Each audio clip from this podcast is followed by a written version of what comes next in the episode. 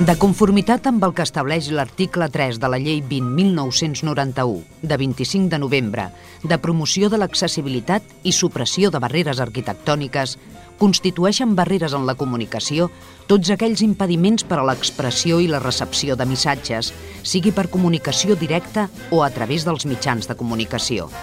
És per això que emparant-nos en aquesta llei, volem que cada ciutadà gaudeixi del seu propi espai per moure's, un espai sense censura, un espai en què vosaltres sigueu els protagonistes. En definitiva, un espai per tothom. Benvinguts a Espai Vital. Senyores i senyors, què tal com estan? Benvinguts, ben trobats un dia més a un programa més. Ja el coneixen, és l'Espai Vital i comença mmm, ja, primer de tot presentant al meu costat l'Alberto Castro. Hola, bon dia. Molt bon dia. També salutacions al nostre tècnic, el que apreta els botonets i fa que tot això surti a l'aire i vostès el sentin. Doncs molt bé, dit això amb 3, 2 o 1, comencem el programa d'avui.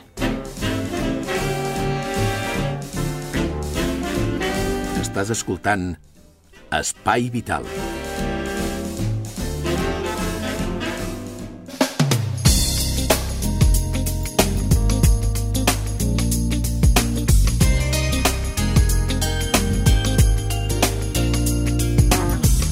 l'Espai Vital ens hem adonat d'una informació apareguda a través d'internet d'un curs de formació de desmuntadors del SIDA. Bé, tot això comporta moltes altres coses. Totes aquestes coses, el que comporta això, ho parlem avui amb Lluís Botines. Senyor Botines, bon dia. Hola, bon dia. Molt bé, què, què vol dir això de curs de desmuntador de, del SIDA?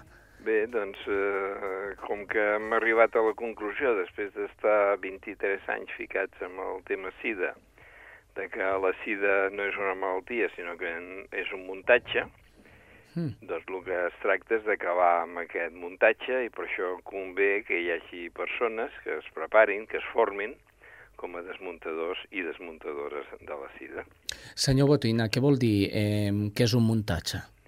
Bé, doncs que uh, això que sona molt sorpresivament, eh, si no s'ha sentit res uh, abans sobre aquest tema, si no s'ha sentit informació qüestionant la versió oficial de la SIDA, doncs això uh, impacta molt i sorprèn. Però eh, jo invito a que es posi a internet amb un buscador, es posi la paraula SIDA i es combini amb en anglès eh, i eh, doncs amb, bueno, fem un, eh, en català hi ha menys informació, molta menys, però en castellà combinant sida amb verdad, mentira, engaño, estafa, timo, fraude, doncs comencen a sortir centenars de milers de pàgines web i en anglès doncs desenes de milions de pàgines web. I a mi em sembla que la persona que faci això doncs es podrà preguntar per què fins avui no havia sentit en els mitjans de comunicació de masses, no havia sentit aquest tipus d'informació. Molt bé. Eh, com, com es fa això? Aviam, mm, què és, què és? El SIDA no és SIDA, però hi ha molts investigadors que diuen que sí que és SIDA. Com han arribat vostès a aquesta conclusió? Doncs pas a pas. Mm, pas a pas perquè Eh, la meva avantatge és que quan em vaig implicar amb el, SIDA, amb el tema SIDA portava 10 anys que creiem a la versió oficial, des del 81 fins al 91. Després doncs, eh, em vaig fer dissident, o sigui, hi ha tot una corrent de, de científics, de metges, d'associacions en tot el món que qüestionen en uns aspectes o altres la versió oficial de la SIDA. Vaig ser dissident durant 18 anys, des del, des del 91 fins al 2009, i en aquell moment em vaig donar compte que es tenia que fer un pas més, que no era suficient ser dissident. Que, per què? Doncs perquè els dissidents eh, coincideixen i reforcen els oficialistes perquè es creuen que la sida és una malaltia. És a dir, la primera mentida que es va llançar a l'any 81 des dels Estats Units d'Amèrica és que s'havia detectat una nova malaltia i que aquesta nova malaltia doncs, eh, atacava heterosexuals, per tant, contagiosa, per tant, que era gèrmica, i que eh, es caracteritzava per una immunodeficiència i que, a més, sorpre sorprenentment també, des del tercer dia o tercera setmana, van dir que era inevitablement mortal. Com es pot afirmar que una malaltia nova és inevitablement mortal? Si realment hi ha una nova malaltia, té que fer un seguiment d'aquells malalts que arriben a l'hospital durant 6, 12, 18, 24 mesos, i si tots moren, doncs s'arriba a la conclusió que és inevitablement mortal, però no es pot dir des del primer moment que és inevitablement mortal. I a més, inclús si tots els que arribessin a l'hospital acabessin morint, no es podria fer el que van fer en aquells moments, que va ser extendre la sentència de mort a qualsevol persona que donés positius a uns tests, que ara sabem que, que són una xapussa, la primera pràctica real de risc amb sida és fer-se els tests, uh -huh. i eh, encara que estigués absolutament asimptomàtica, si donava positiu als tests, doncs li donaven pocs, molt poc temps de vida. I malgrat això, doncs, molts no es morien, van tenir que anar allargant eh, aquests anys, eh, donaven a, finalment el doctor Galo va arribar a, a parlar de 40 anys, inclús, i ara eh, diuen que era fals aleshores que fos inevitablement mortal, és fals ara doncs que l'hagin cronificat la sida. El que ha, sigut sí... un procés, només, ha sigut un procés molt lent, mm -hmm. però jo crec que, que la persona que pugui entrar a l'ordinador i es trobi tota aquesta informació, doncs per ajudar a orientar-la amb, amb aquesta lectura que se li obre, amb aquesta investigació, doncs seria molt interessant conèixer l'experiència de, de Clark Baker.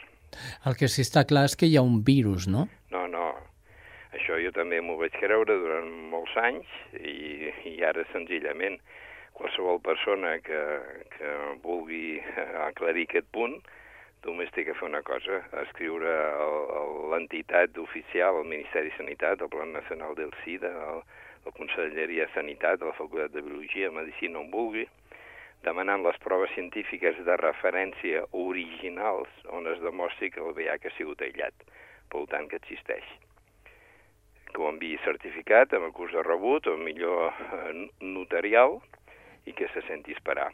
I si per casualitat rep alguna doncs que m'enviï una còpia, si plau.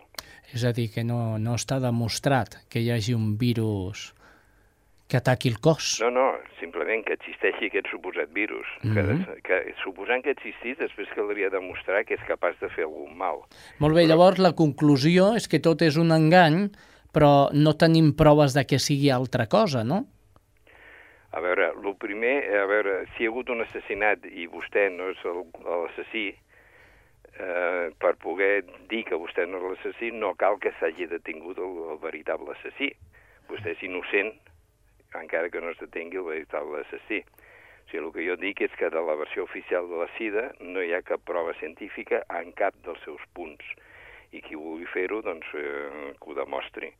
Són Clar. ells els que ho tenen que demostrar científicament. Aquí el que s'ha generant és un, a base de por, perquè es té que recordar que la SIDA es va implantar terroritzant a la població, començant pels homosexuals i després anar-ho estenent al conjunt de la població. Doncs amb la por, el poder, els diners, la corrupció, etc, s'ha anat establint una veritat suposada que des del nostre punt de vista actual no té cap base científica. Sí, jo he vist gent amb, amb el síndrome de la immunodeficiència adquirida, el SIDA, i, i que es moria. Vull dir, és físicament visible que hi ha alguna cosa que mata a la gent. No, no, el que, el que és visible és que la gent es mor. Quina és la causa d'aquesta mort és el que jo també m'havia cregut durant anys, mm -hmm eh, que era un suposat virus, després, a poc a poc, cop a cop, deixant amics i amigues i coneguts i conegudes pel camí, vaig anar posant interrogants, apoyant-me, com deia abans, amb tota una corrent de científics, de metges, de, d'algun premi Nobel, catedràtics, etc, professors emèrits, etc, i vaig anar qüestionant lentament. Llavors, jo mm, m'agradaria explicar, com abans apuntava, l'experiència de Clark Baker. Uh -huh. Aquest és un investigador eh, eh d'Estats Units d'Amèrica eh, que té 80 condecoracions, medalles, certificats pels seus serveis als Estats Units d'Amèrica, de jove com a marine, després 20 anys oficial de policia a Los Angeles i des del 2000 detectiu privat, i aquest senyor li van demanar que fes un informe sobre el tema de la sida. I explica, o es pot llegir, si es posa el seu nom, etc i si ho puc enviar qui vulgui, explica que és un tema complex però que li va ser molt fàcil, molt fàcil eh, situar-se. I vaig anar a parlar amb els oficialistes, els que defensen que, que hi ha una malaltia causada per un virus, etc i em van dir els, els negacionistes, els crítics, són uns assassins, són responsables de la mort de milions de persones en tot el món, són uns assassins, no vagi a parlar amb ell. I el Clark Baker doncs, explica que es va quedar sorprès perquè ell, que portava més de 30 anys perseguint criminals que n'havia ficat centenars de tot tipus a, a la presó, li diuen que els que critiquem la versió oficial de la SIDA som uns assassins, i en lloc d'animar-lo a perseguir-los i a tancar-los, resulta que diuen que ni tan sols vagi a parlar amb ells. Clark Baker diu, la meva conclusió va ser immediata, els assassins són els oficialistes. Llavors, diu, eh, confio en la justícia divina, però va dir en aquell moment, va decidir, faré tot el que pugui mentre estigui viu perquè la justícia humana porti a la presó a tots els que han muntat aquest crim. I aleshores se li va ocórrer organitzar una Office of Medical Scientific Justice, Oficina per Justícia Mèdica i Científica, OMSJ, si es posa aquesta sigla sortirà a la seva pàgina web, i ha muntat un grup d'advocats, de científics, de metges independents que assessoren dels advocats defensors de persones que els hi demanen 10, 25, 40 o més anys de presó per suposadament haver infectat amb el suposat VIH a terceres persones. I què passa quan els advocats defensors són assessorats per aquest grup? Doncs que rebutgen, rebaten, des, desmunten les suposades eh, proves de que, de que la persona acusada té realment el virus al seu interior, en particular que, que demostren que aquests tests són, no són fiables en absolut, són, un, com deia abans, una xapussa, i què, i què, què està passant? Doncs que els jutges eh, veuen que no poden, no es pot afirmar que la persona realment té el virus suposat en el seu interior i que menys, per tant, se'l pot acusar d'haver-ho transmès a una altra persona. Ja van 49 casos des d'octubre del 2009, o sigui, en 3 anys, ja van 49 casos en què han quedat en llibertat aquestes persones que dic els, els demanaven en alguns casos quasi 100 anys de presó. Uh -huh. Però és més, en un parell d'aquests casos, resulta que, en un parell com a mínim, un parell que tinc constància, tinc que fer un estudi d'aquests 49 casos, amb un parell com a mínim, resulta que el jutge ha tingut que anul·lar el judici perquè resulta que cap oficialista s'ha presentat per defensar per mantenir, per reforçar l'acusació.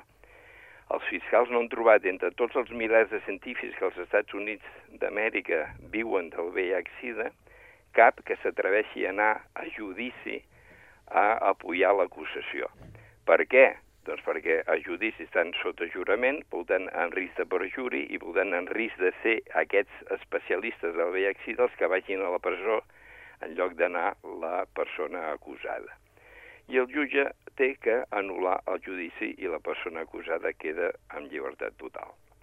Això em sembla que és clar i contundent i estalvia, però qui ho vulgui fer, o i com li dic, hi ha muntanyes de documents eh, perquè vagi investigant, estudiant amb més detall cada un dels aspectes d'aquest muntatge, però estudia molta feina per situar-se i entendre doncs, això, que la sida en absolut no és el que ens diuen que és, sinó que és un muntatge i per això jo estic fent cursos de formació de desmuntadors i desmuntadores de la sida.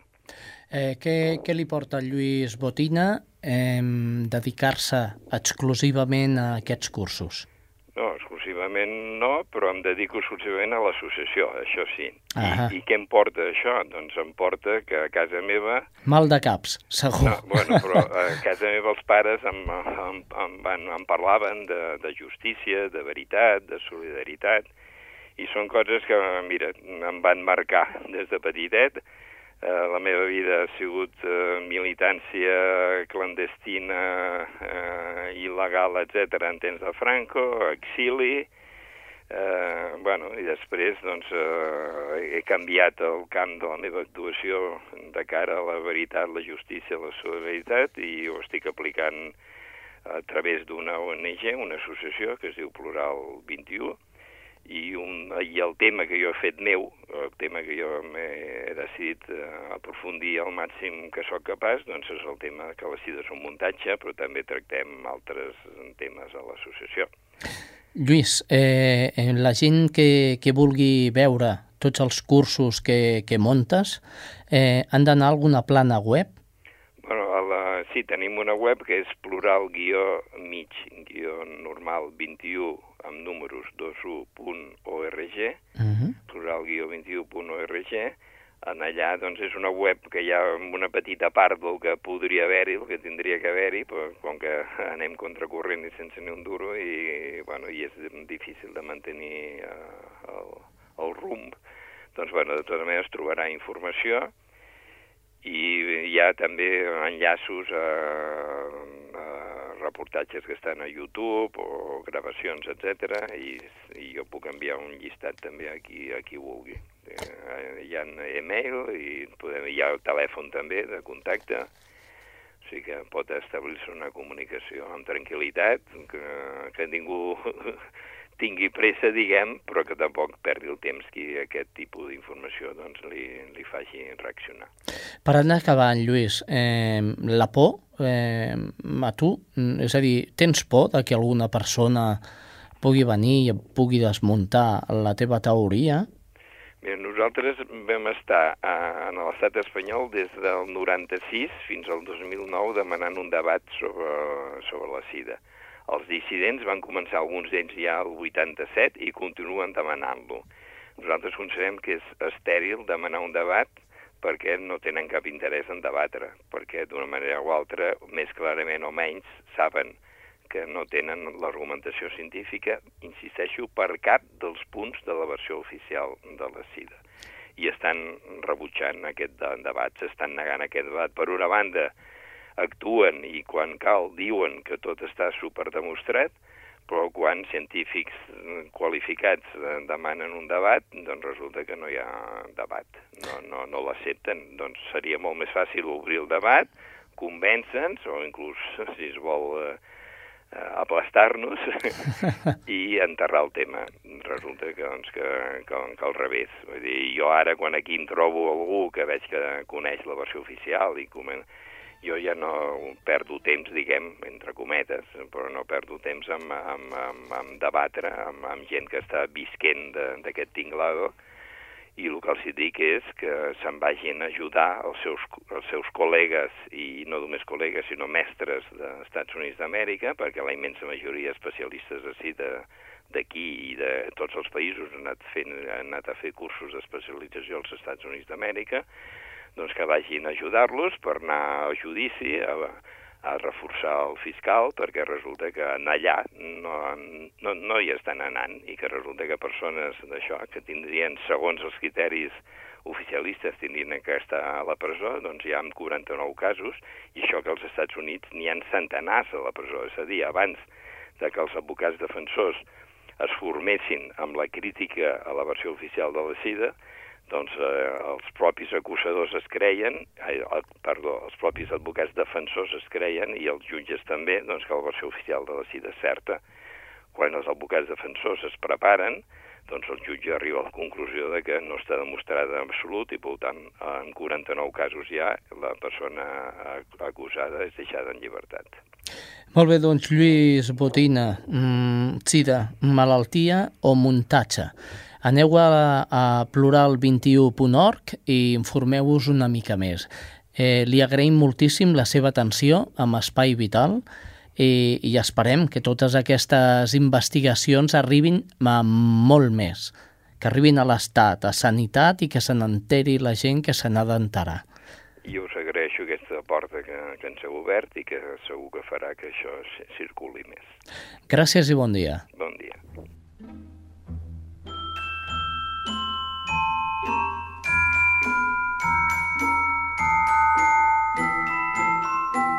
Fem dansa.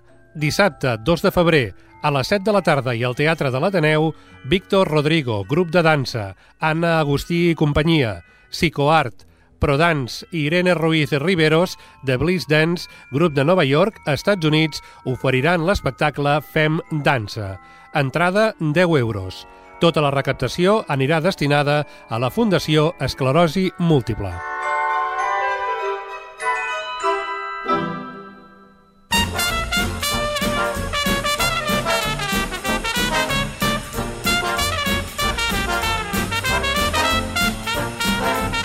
Espai Vital.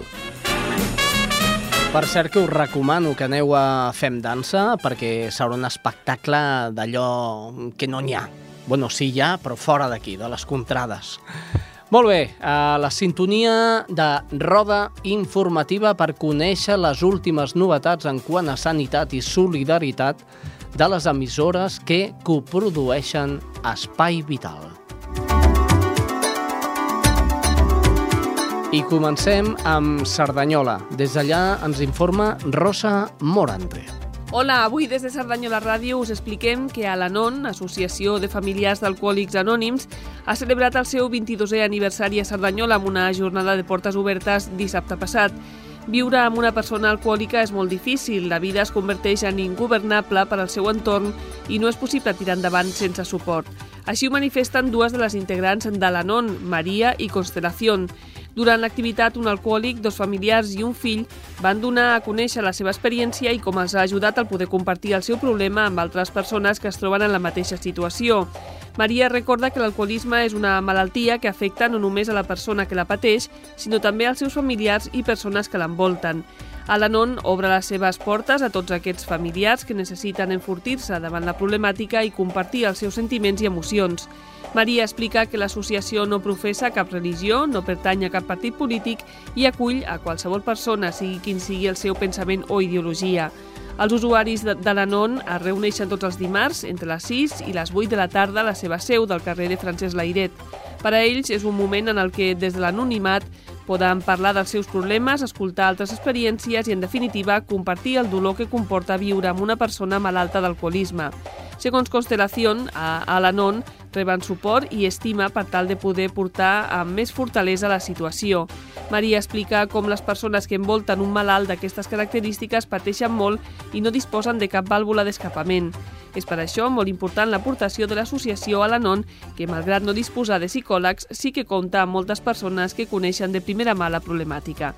I això és tot des de Cerdanyola Ràdio. Fins la setmana vinent. Gràcies, Rosa Morante, i anem cap a Ripollet, al costat mateix. Allà ens informa la Francina Ricard. Una salutació als amics i amigues de l'Espai Vital. Avui us parlem d'esport, d'esport adaptat perquè Ripollet està de nou d'enhorabona perquè tindrem a dos esportistes que participaran en unes Olimpíades. Els esportistes ripolletencs, el Gavi López de 22 anys i el Borja Rubio de 18 anys, participaran als Jocs Special Olímpics d'hivern com a jugadors de la selecció espanyola d'hoquei. Els Jocs que començaran el proper 29 de gener tindran lloc a la ciutat sudcoreana de Pyongyang. Els dimecres, el passat dimecres 16 de gener, l'alcalde de Ripollet, Juan Parralejo, acompanyat del regidor d'Esport, Xavier Peñarando, i la regidora de Serveis Socials, Maria Lledó, van realitzar una recepció oficial als jugadors i a les seves famílies per encoratjar-los per l'esdeveniment esportiu. En declaracions als mitjans municipals, els protagonistes van destacar la importància personal de l'experiència i la singularitat dels Special Olímpics. Aquests jocs van tenir el seu origen en uns campaments per a joves amb discapacitat intel·lectual dels anys 60 als Estats Units. Una filàntropa, Eunice Kennedy, va descobrir com d'injustament es tractava aquest col·lectiu amb necessitats especials i va idear un sistema d'aprenentatge d'integració a través de la pràctica esportiva. I això és tot des de Ripollet. Molt bona tarda. Bona tarda, Francina Ricard. I de Ripollet cap a Montcada. Allà ens informa Sílvia Alquizar. Hola, salutacions des de Montcada Ràdio. L'Associació de Discapacitats de Montcada i Reixac, Adimir, farà un conveni de col·laboració amb la Universitat de Barcelona i la Fundació Gerard per tal de fomentar la creació d'una xarxa de formació de professionals dins l'àmbit de la discapacitat.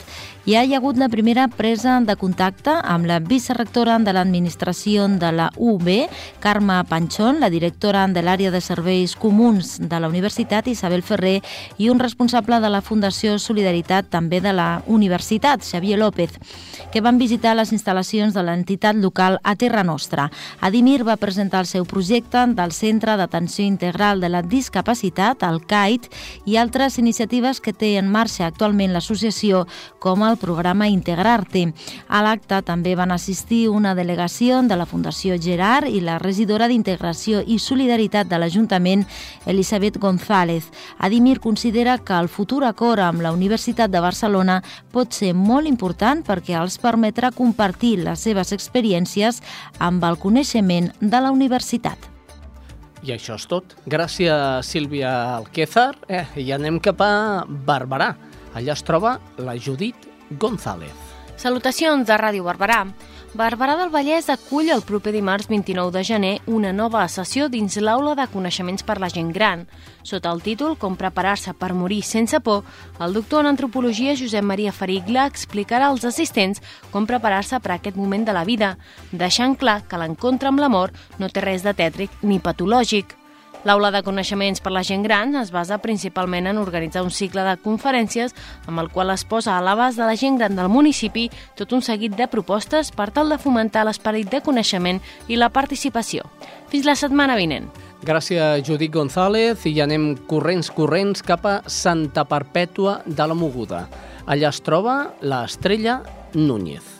Hola, salutacions des de Santa Perpètua de Moguda. L'àrea de benestar social i atenció a les persones de l'Ajuntament de Santa Perpètua ha creat un banc d'ajuts tècnics per a les persones amb dependència del municipi.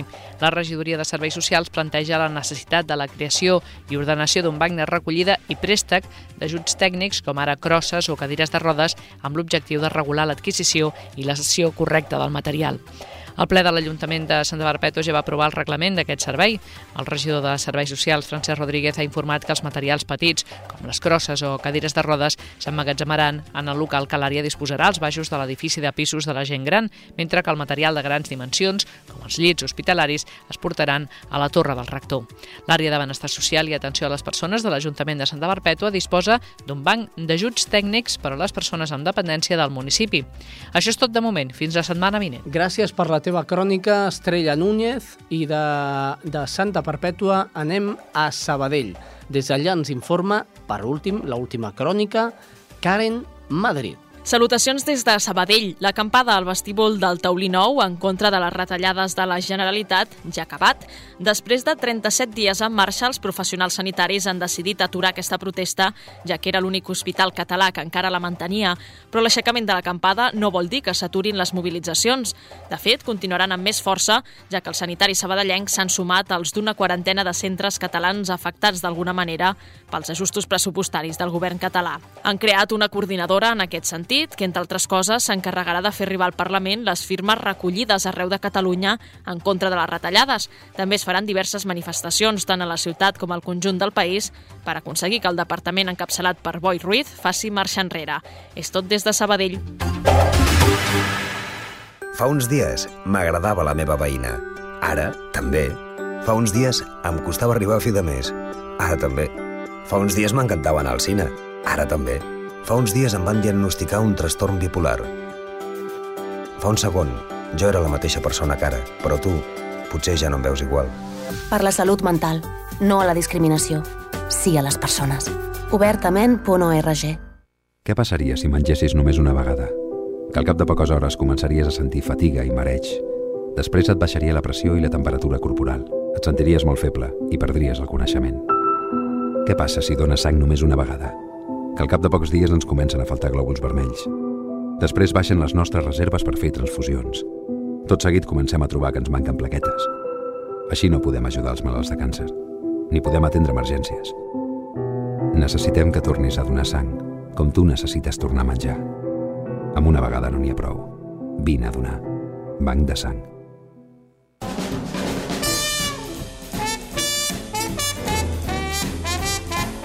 Estàs escoltant Espai Vital. Molt bé, i des de Ripollet, Cerdanyola, Montcada, Barberà, Santa Perpètua i Ràdio Sabadell. A totes les emissores i a tota la gent que escolteu des d'aquestes de, poblacions, salutacions cordials i benvinguts. De fet, ja estem acabant, eh? Si volen marxar, marxin però no per molt temps.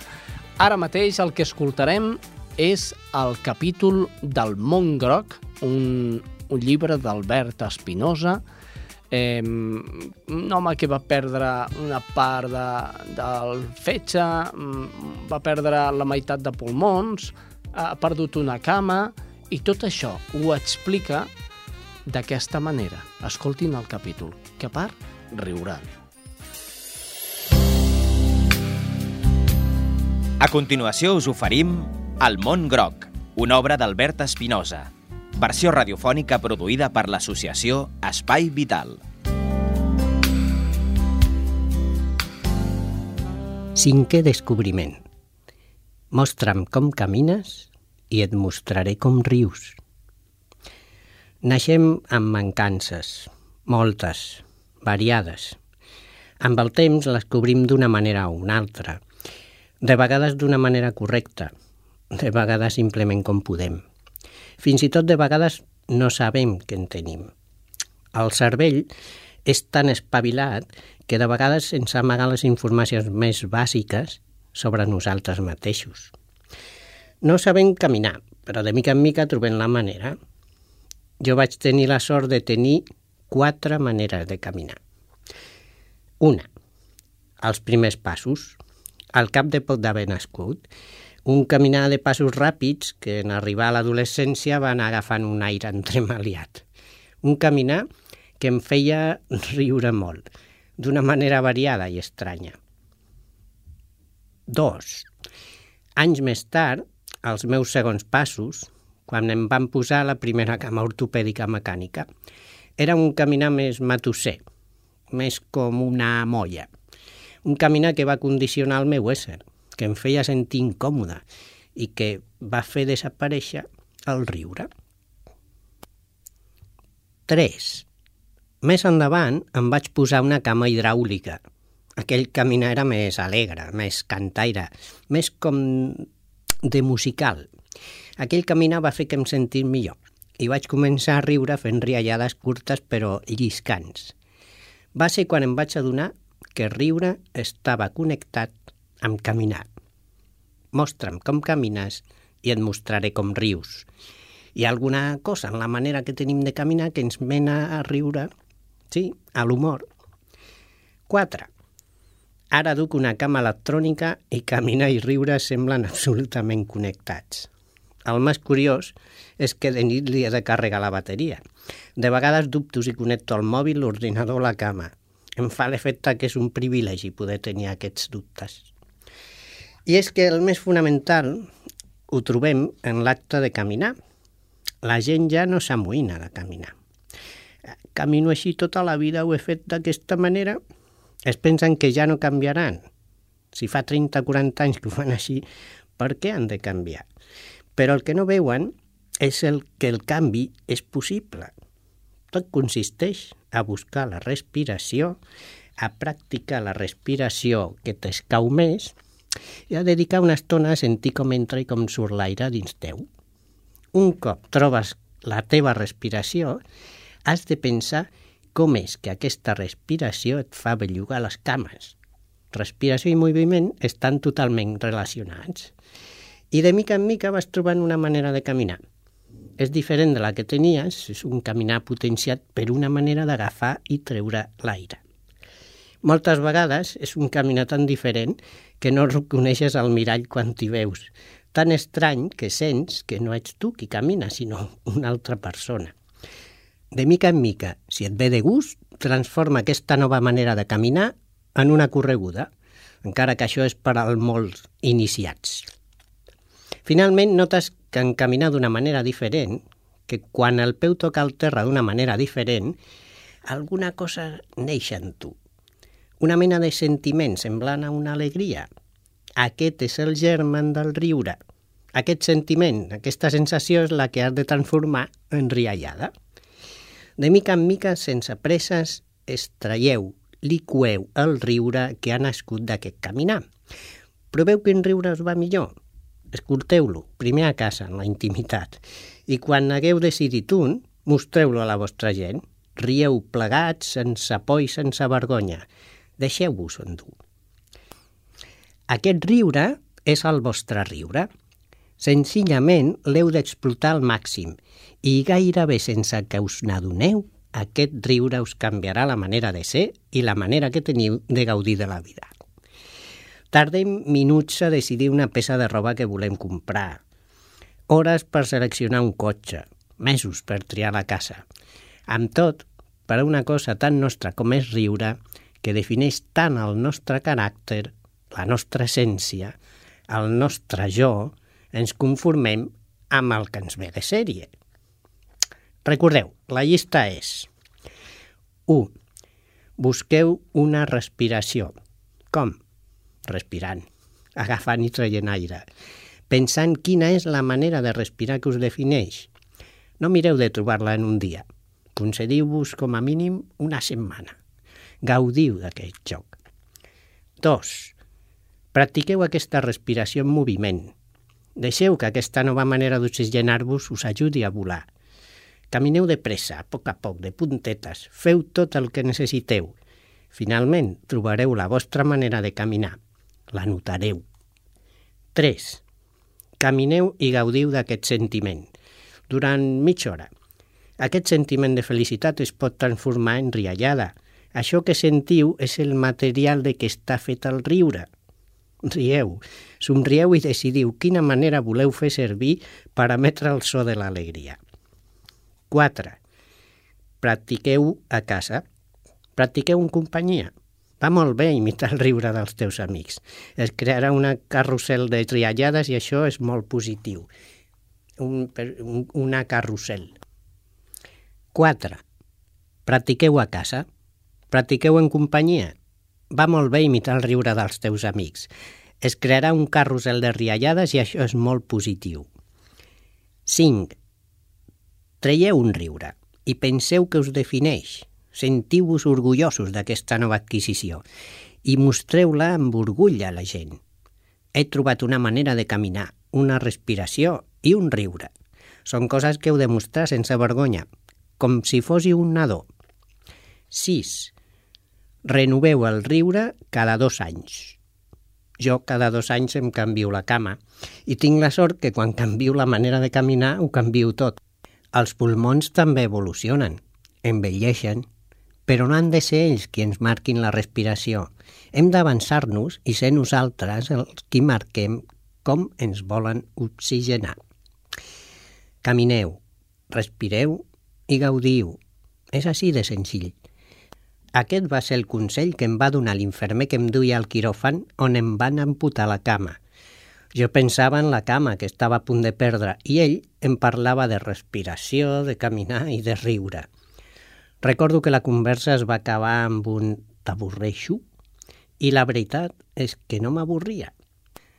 De vegades estem tan centrats en nosaltres, en el nostre problema, que oblidem que just en aquell moment podríem fer el descobriment més gran de la nostra vida. A casa hem acollit l'Òscar fa un mes Ara viu amb nosaltres. No sé fins quan es quedarà. Mai no havia vist ningú que li agradés tant els macarrons. Crec que els seus pares passen un mal moment, però se'l veu content. Amb els acolliments familiars de Creu Roja, la teva família pot ser, durant un temps, la d'un nen o una nena. Suma-la a la teva vida. Acolliments familiars de Creu Roja. Truca al 93 300 65 65. Amb l'acolliment, tothom guanya.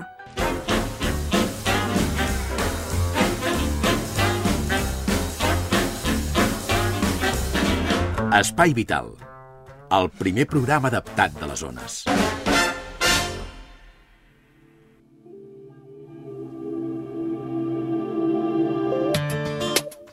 Què et sembla? Sintonia tecnològica per un espai tecnològic, també. M'encanta. Oi que sí?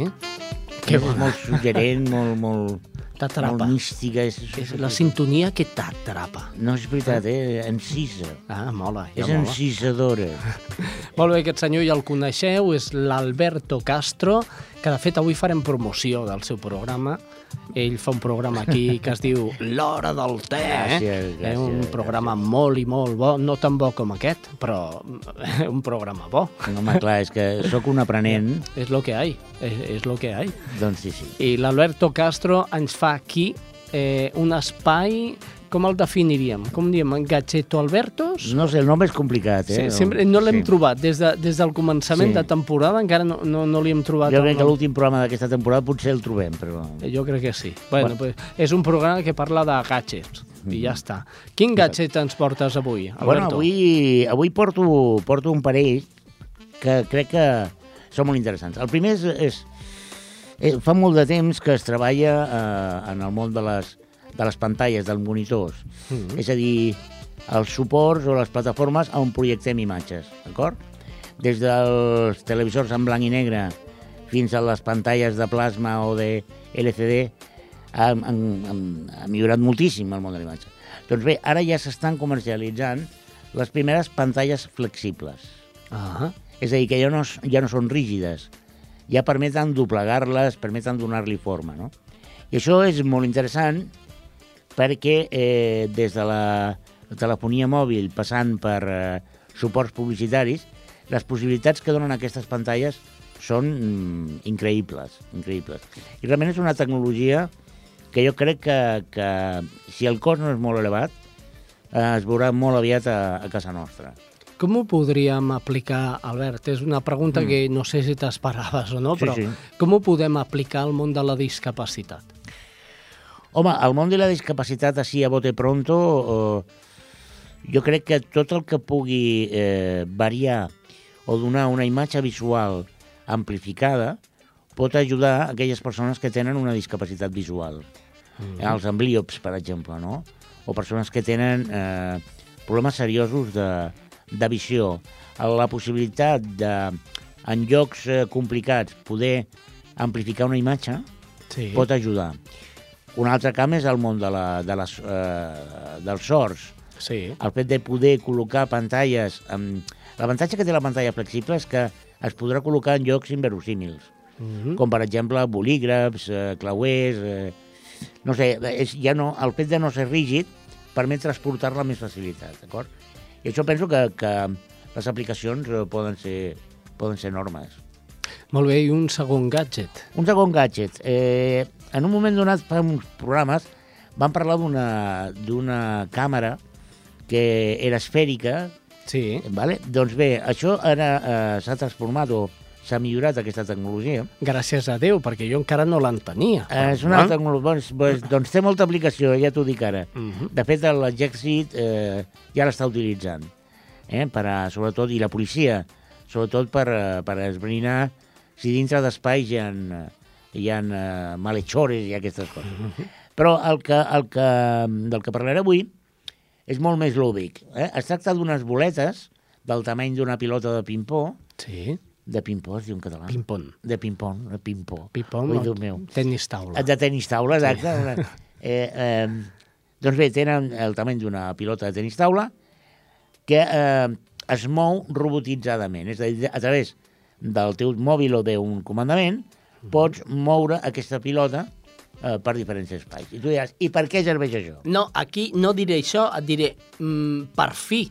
Per si una pilota, fotre una patada a la pilota I i, la torni, pilota no? vagi rebotant i tal, no, no, no li veia el tema. Però les pilotetes aquestes, si són robòtiques, ja li veig una altra història, jo. Sí, però ja veuràs, aquesta piloteta té... Eh, quan deia que té un component lúdic, és que a través de programes de realitat virtual sí. i de realitat augmentada, Mm. que ja hem parlat alguna vegada aquí d'això, doncs aquestes, eh, tu et poses eh, les ulleres o et poses a la pantalla del joc i aquestes pilotes es transformen en unes boles de foc, per exemple, Ah. que tu has de conduir per diferents espais provocant diferents coses, no? I eh, vull dir, aquestes, aquestes ja estan comercialitzades, eh? Són pilotes estàndards que es poden aplicar a diferents jocs. En aquests moments, en el mercat, ja n'hi ha 19 jocs que utilitzen aquestes pilotes de realitat augmentada. I per últim, i això de la realitat augmentada sé que és un terme que costa entendre, vam explicar en el seu moment que era a través de diferents dispositius es veia informació afegida a la Sí. que veiem amb els ulls. Sí, sí, sí. Doncs bé, el joc est- estrella d'aquest Nadal ha estat un joc d'una marca d'una marca, que el famós llibre de contes. Sí. Doncs bé, si tu veus el llibre obert en visió normal, és un llibre, és una, un cartró amb llibre. uns circuits, Sí. d'acord? Però si mires aquest llibre a través de la pantalla del televisor, es transforma en, una, en un espai absolutament diferent. Mm. Et genera monstres, figures que pugen i baixen... És, dir, és realment molt interessant. Ah. Et sembla bé? Em sembla perfecte. El proper programa et parlaré d'un gadget que sí està eh, destinat única i exclusivament a la discapacitat. Es diu el projecte Prometeo. Prometeus. Prometeus. Prometeus. És molt interessant. Hi havia una pel·lícula d'això, eh? Sí. El Prometheus. Bueno, és que els déus grecs i romans han estat sempre molt utilitzats. Molt bé, doncs, Albert, gràcies un dia més per estar amb nosaltres aquí a l'Espai Vital i no marxis. Tens gana? Mm, doncs ara ja una mica. Molt bé, doncs Conxita Naudi ens acosta la recepta adaptada. Escoltin-la i prenguin nota. Hola, amics. Ara us faré un besuc amb salsa. És una antiga recepta espanyola.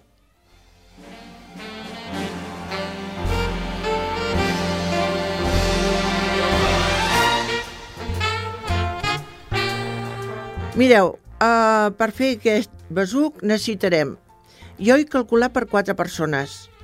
O sigui, un besuc mitjanet, una llimona, oli d'oliva, tres cebes, una fulla de llaurer, unes rametes de julivert, safrà, dues, 12 ametlles, uns quants pinyons, sis de nous, sal, pebre i una miqueta de molla de pa.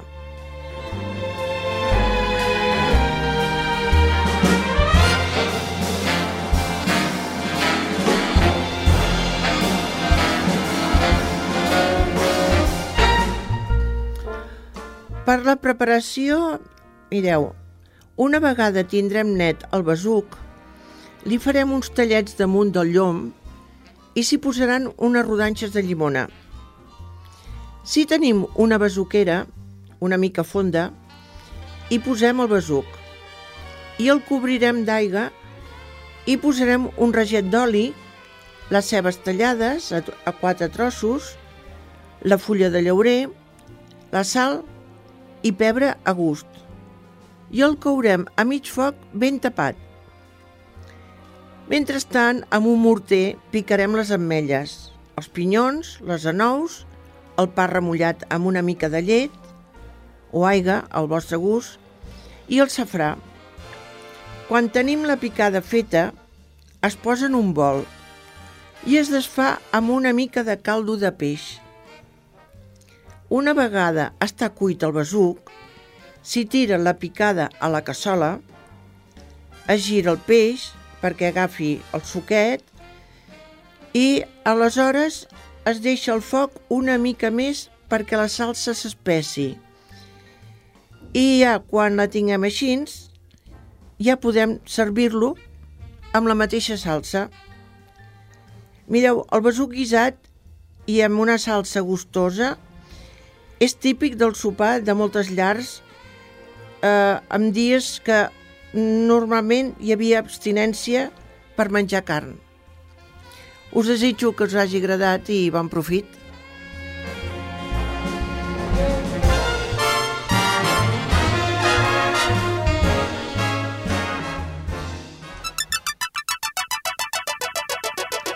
Doncs amb aquest tema acabem. Alberto Castro, mm, aquesta cançó va dedicada a tu. Moltes gràcies. Vale? Perquè tu ens l'has demanat. És del Miguel Ríos i no sé què, de l'any 2000, no? Año 2000. Año 2000.